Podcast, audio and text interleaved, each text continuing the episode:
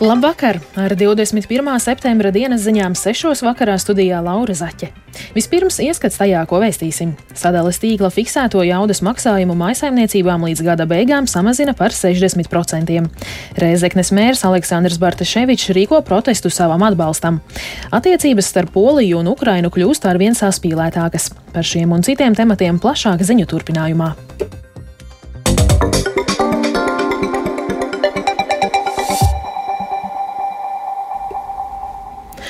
Saima pātrinātā kārtībā un bez debatēm apstiprinājusi ieceri no nākamā mēneša līdz gada beigām mazināt rēķinus par elektrību par 60% samazinot sadales tarifa fiksēto daļu.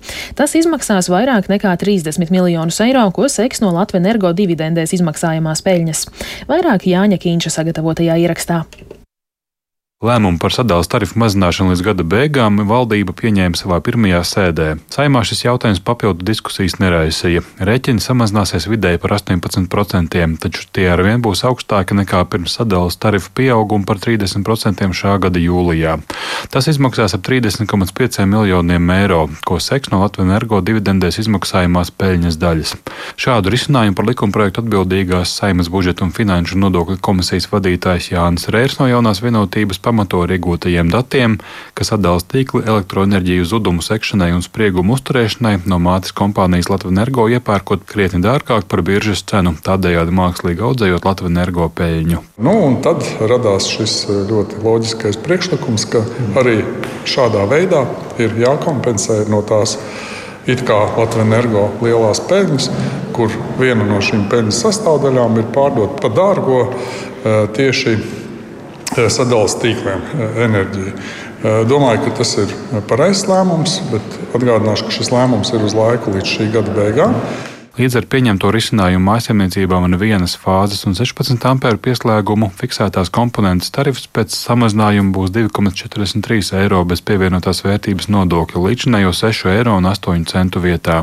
Mājsaimniecībai ir viena fāze un 20 ampēru pieslēgumu šī maksas daļa saruks no līdzinājiem 7,6 eiro līdz 3 eiro un 4 centiem. Savukārt mājsaimniecībai, kurai ir 3 fāzes un 20 ampēru pieslēgums, fiksētās komponentes maksa bez PVN samazināsies no 8. 18,4 līdz 7,36 eiro.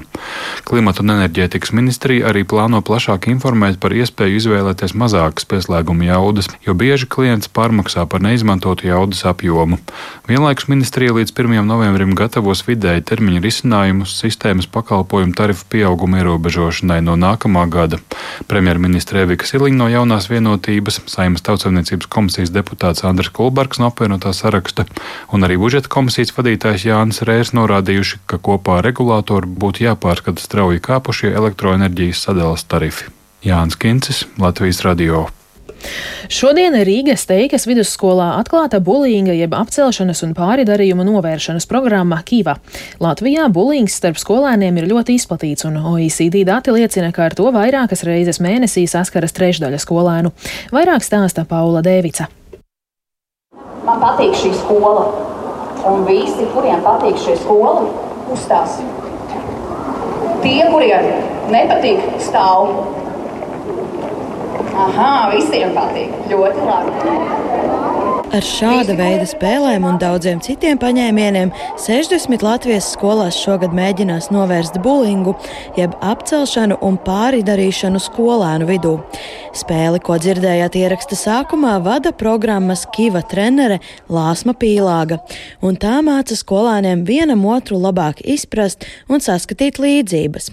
Līdzīgas nodarbības turpmāk skolās būs jāveic pedagogiem, kuri pirms jaunā mācību gada ir īpaši apmācīti nodarbību vadīšana, kiva spēles, ko var aplikācijās lejupielādēt, visādas aktivitātes, uzdevumi, interesanti, lai bērniem tiešām būtu interesanti, nevis tādā lekcijas formātā.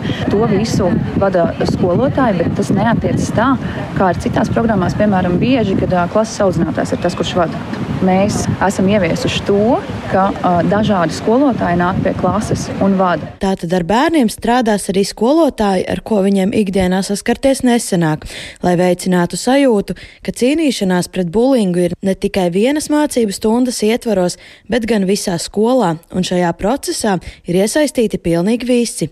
Rīgas teikas vidusskolas direktore Guna Pudula skaidro, ka šāds rīks skolotājiem ir ļoti nepieciešams. Sabiedrība ir kļuvusi neiecietīgāka, un, protams, ka tas viss ienāk arī skolā un parādās arī uz bērniem. Vecāki aizņemti strādā, laika nav, līdz ar to tam bērnam ir jātiek ļoti daudz pašam ar daudz ko galā. Un tad sanāk tā, ka tas skolotājs dažās situācijās pat viens pats cīnās ar kādām īpašām, nu, tādām, tādiem gadījumiem. Kiva ir Somijā izstrādāta programma vārdarbības mazināšanai vienaudžu vidū. Programma šogad ieviesta 60 skolās visā Latvijā.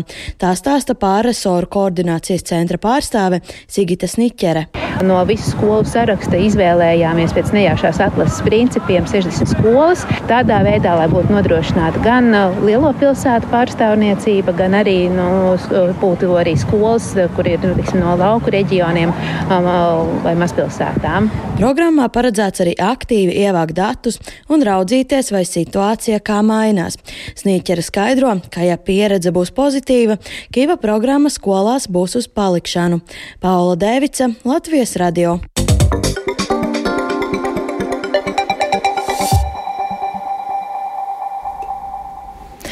Attiecības starp Varšavu un Kijivu kļūst arvien saspīlētākas. Pēc tam, kad Ukrainas prezidents Volodimirs Zelenskis paziņoja, ka ierobežojumi ievest Ukrainas graudus un citas lauksaimniecības preces nāk par labu Maskavai, Polijas premjeras Mateuš Moraveckis sacīja, ka Polija vairs nepiegādāšot Ukrainai ieročus. Plašāk stāsta mūsu Briseles korespondents Artjoms Konohovs. Polijas premjera Mateuša Maravecka paziņojums, ka turpmāk viņa valdība koncentrēs uzmanību uz ieroču iegādes savas valsts vajadzībām, un tādēļ neveiks jaunas militārās piegādes Ukrainai, izraisīja lielu rezonanci. Tādēļ Moravecka pārstāvis steidza skaidrot, ka iepriekšējās vienošanās par ieroču un munīcijas piegādi Ukrainai tiks pildītas. Savukārt Polijas prezidenta ārlietu padomnieks Marcins Pšidečs intervijā Polijas televīzijai sacīs, ka Ukrainas prezidenta Zelenska izteikumi ir aizvainojuši daudzus poļus.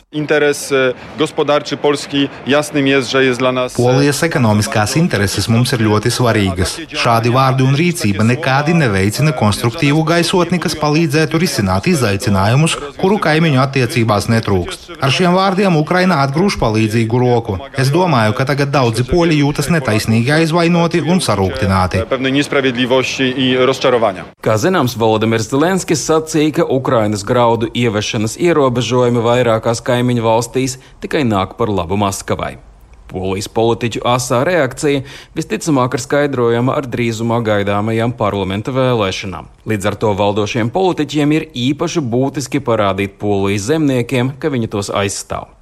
Ierobežojumus Ukrainas lauksaimniecības produktiem ir ieviesusi arī Slovākija, tomēr tās valdība ceturtdien vienojās ar Ukrainas amatpersonām, ka pašreizējā kārtība būs spēkā tikai līdz šā gada beigām, kad stāsies jauns, abām pusēm pieņemams tirdzniecības režīms. Arcīms Konahaus Latvijas Rādio Briselē.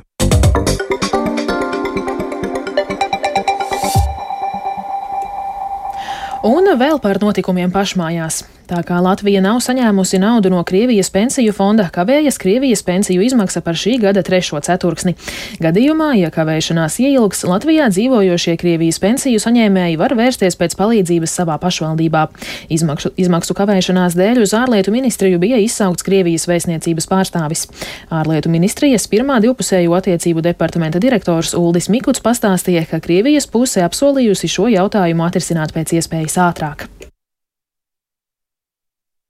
Ārlietu ministriju tika izsaukts Krievijas eh, vēstniecības pagaidu pilnvarotais lietvedis, kurš um, sarunā atzina, pirmkārt, jā, pensiju maksājuma izpildi aizkavējusies, informēja, ka Krievijas puse meklē problēmas risinājumus, apņēmās to atrisināt pēc iespējas drīz. Un šo maksājumu kavēšanos uh, Krievijas vēstniecības pagaidu pilnvarotais lietvedis skaidroja ar tā iestrēgšanu korespondentu bankā par nekādiem termiņiem runa negāja. Tā ir Krievijas pagaidu pilnvarotā lietveža apņemšanās. Un, nu, protams, mēs sagaidām, ka šī Krievijas saistība izpildē tik tiešām notiks nu, tā prioritārā kārtībā. Pie Reizeknes domes notikusi akcija pilsētas mēra Aleksandra Bartaševiča atbalstam. To rīkoja Bartaševiča pārstāvētā politiskā partija kopā Latvijai. Kā novēroja Latvijas radio, bija pulcējušies ap simti cilvēku, gan mēra atbalstītāji, gan vienkārši interesanti. Aicinājumā sociālajos medijos bija teikts, ka pulcēšanās mērķis ir pretoties politiskajai patvaļai un šantāžai. Bartaševičs neatzīst, ka būtu vainīgs pie naudas trūkuma pašvaldībā. Akciju Reizeknē vēroja arī mūsu korespondente Latgalē Renāte Lazdiņa pārsvarā tie ir iespējams teiksim, tā, viņa atbalstītāji, jo bija diezgan mm. vētraini aplausi, tad, kad viņš iznāca no pilsētas domes. Tikko arī beidzās pilsētas domes sēde, kurā tika pieņemts pilsētas budžeta grozījumi. Jāsaka, ka sanākuši um, varētu būt, pārsvarā ir krievu valodīgi cilvēki, jo arī mērs savu nu, neoficiālo uzrunu sākumā saviem iedzīvotājiem teica krievu valodā, nu, tā vienkārši sasveicinoties. Pilsētnieki atbildēja krieviski un, un teica, ka viņi viņu aizstāvēs. Es domāju, ka varbūt mērs bija domājis tā ažiotāža būtu vēl lielāka. Varbūt ieskicē, kas ir tas jaunākais saistībā ar šīm reizeknas finansēm un uh, to skaidrošanos ar um, uzraugošajām institūcijām. Līdz vakardienai uh, pilsētas mēram bija jāiesniedz papildus skaidrojumi atbildīgajām ministrijām par finanšu stāvokli un to, kā tas tiks regulēts.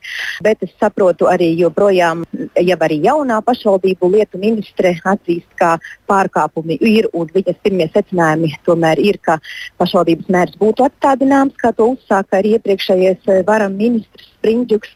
Viņš būtu atstādināms no amata, bet nogaidīs valsts kontrolas revīzijas ziņojumu. Tas, ko viņam pārmet, ir tas, ka joprojām mērs uzskata, ka ir jāiekļauj budžetā 4,4 miljoni eiro projektu pabeigšanai, un tas mm -hmm. joprojām tiek iekļauts arī jaunajā budžeta grozījumu pakā. Un tāpat arī nepilns miljons paredzēts kredītsaistībās pārvaldes funkciju nodrošināšanai. Viņš cer uz kredītiem. Jaunā reģionālās attīstības ministre Inga Bērziņa no jaunās vienotības sacīja, ka līdz šim no Rēzeknes domes saņemtie skaidrojumi un atbildes atšķīrušās un ir pamatotas aizdomas, ka atsūtītajā budžeta projektā nav pareizi ierēķinātas darbinieku algas līdz gada beigām. Tāpēc ar lielu nepacietību tiek gaidīts valsts kontrolas atzinums, lai juridiski korekti ministrijas varētu izlemt, kā rīkoties tālāk. Bērziņa sacīja, ka rīcības varianti ir vairāki. Viens no tiem - Bartaševiču atstādināt no amata lai domas priekšsēdētāju atstādinātu, viņam ir jāiedod rīkojums par atstādināšanu. Bet dokumentiem, jebkurā gadījumā, ir jābūt juridiski korektiem.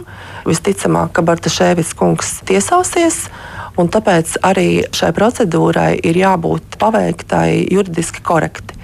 Tātad viens no variantiem ir šī rīkojuma iesniegšana, kur, ja es pareizi atceros, viņam vēl būs piecas dienas laiks lai paskaidrotu un atbildētu uz to. Šajā gadījumā Bartaševits kungs paliek kā domas deputāts, un domai ir jāizvirza cits domas priekšsēdētājs. Cits scenārijs, ko vidas aizsardzības un reģionāla attīstības ministrijā mēs arī šobrīd vērtējam, bet kas nav šobrīd apspriests plašāk par iespējamo Rēzeknas pilsētas domas atstādināšanu. Jo lēmumi attiecībā par budžetu kas ir pieņemti Rēzeknas pilsētā. Pārsvarā gadījumā tos nav pieņēmis viens Bartaševits kungs. Mēram var pārmest to, ka viņš tos ir gatavojis, bet budžeta apstiprināšana pašvaldībā ir kolektīvs lēmums. Ar to izskan 21. septembra dienas ziņas. Producente Vija Bremse ierakstus montēja Kaspars Groskops, pieskaņu pults Mārtiņš Paeglis, bet studijā Laura Zaķe. Īsumā par svarīgāko sadales tīkla fiksēto jaudas maksājumu maisaimniecībām līdz gada beigām samazina par 60%. Rēzeknes mērs Aleksandrs Bartaševičs rīkojas protestu savam atbalstam, un attiecības starp Poliju un Ukrainu kļūst arvien saspīlētākas. Vēl tikai par laikapstākļiem. Yeah. Gaisa temperatūra Rīgā šobrīd ir 23 grādi un pūš dienvidu vējš 3 m2. Atmosfēras spiediens 762 mm, bet relatīvais gaisa mitrums 58%. Bet par to, kāds laiks gaidāms turpmāk, pastāstīs sinoptiķe Ilze Golubeva. Piektdien laiks būs rekords silts. Gaidāms siltākais 22. septembris valsts meteoroloģisko novērojumu vēsturē. Maksimālā gaisa temperatūra dienā sasniegs plus 22, plus 27 grādus. Diena būs saulaina, tāpat arī sausa, bet būs jūtams nedaudz prāsmaināks vējš. Brīvdienās gaisa temperatūra nedaudz pazemināsies, naktas stundās nebūs vēsāks par plus 11 grādiem, bet dienu laikā termometrs tamiņš nepārsniegs plus 22 grādu atzīmi. Tāpat sestdien gaidāms arī diezgan lietains laiks.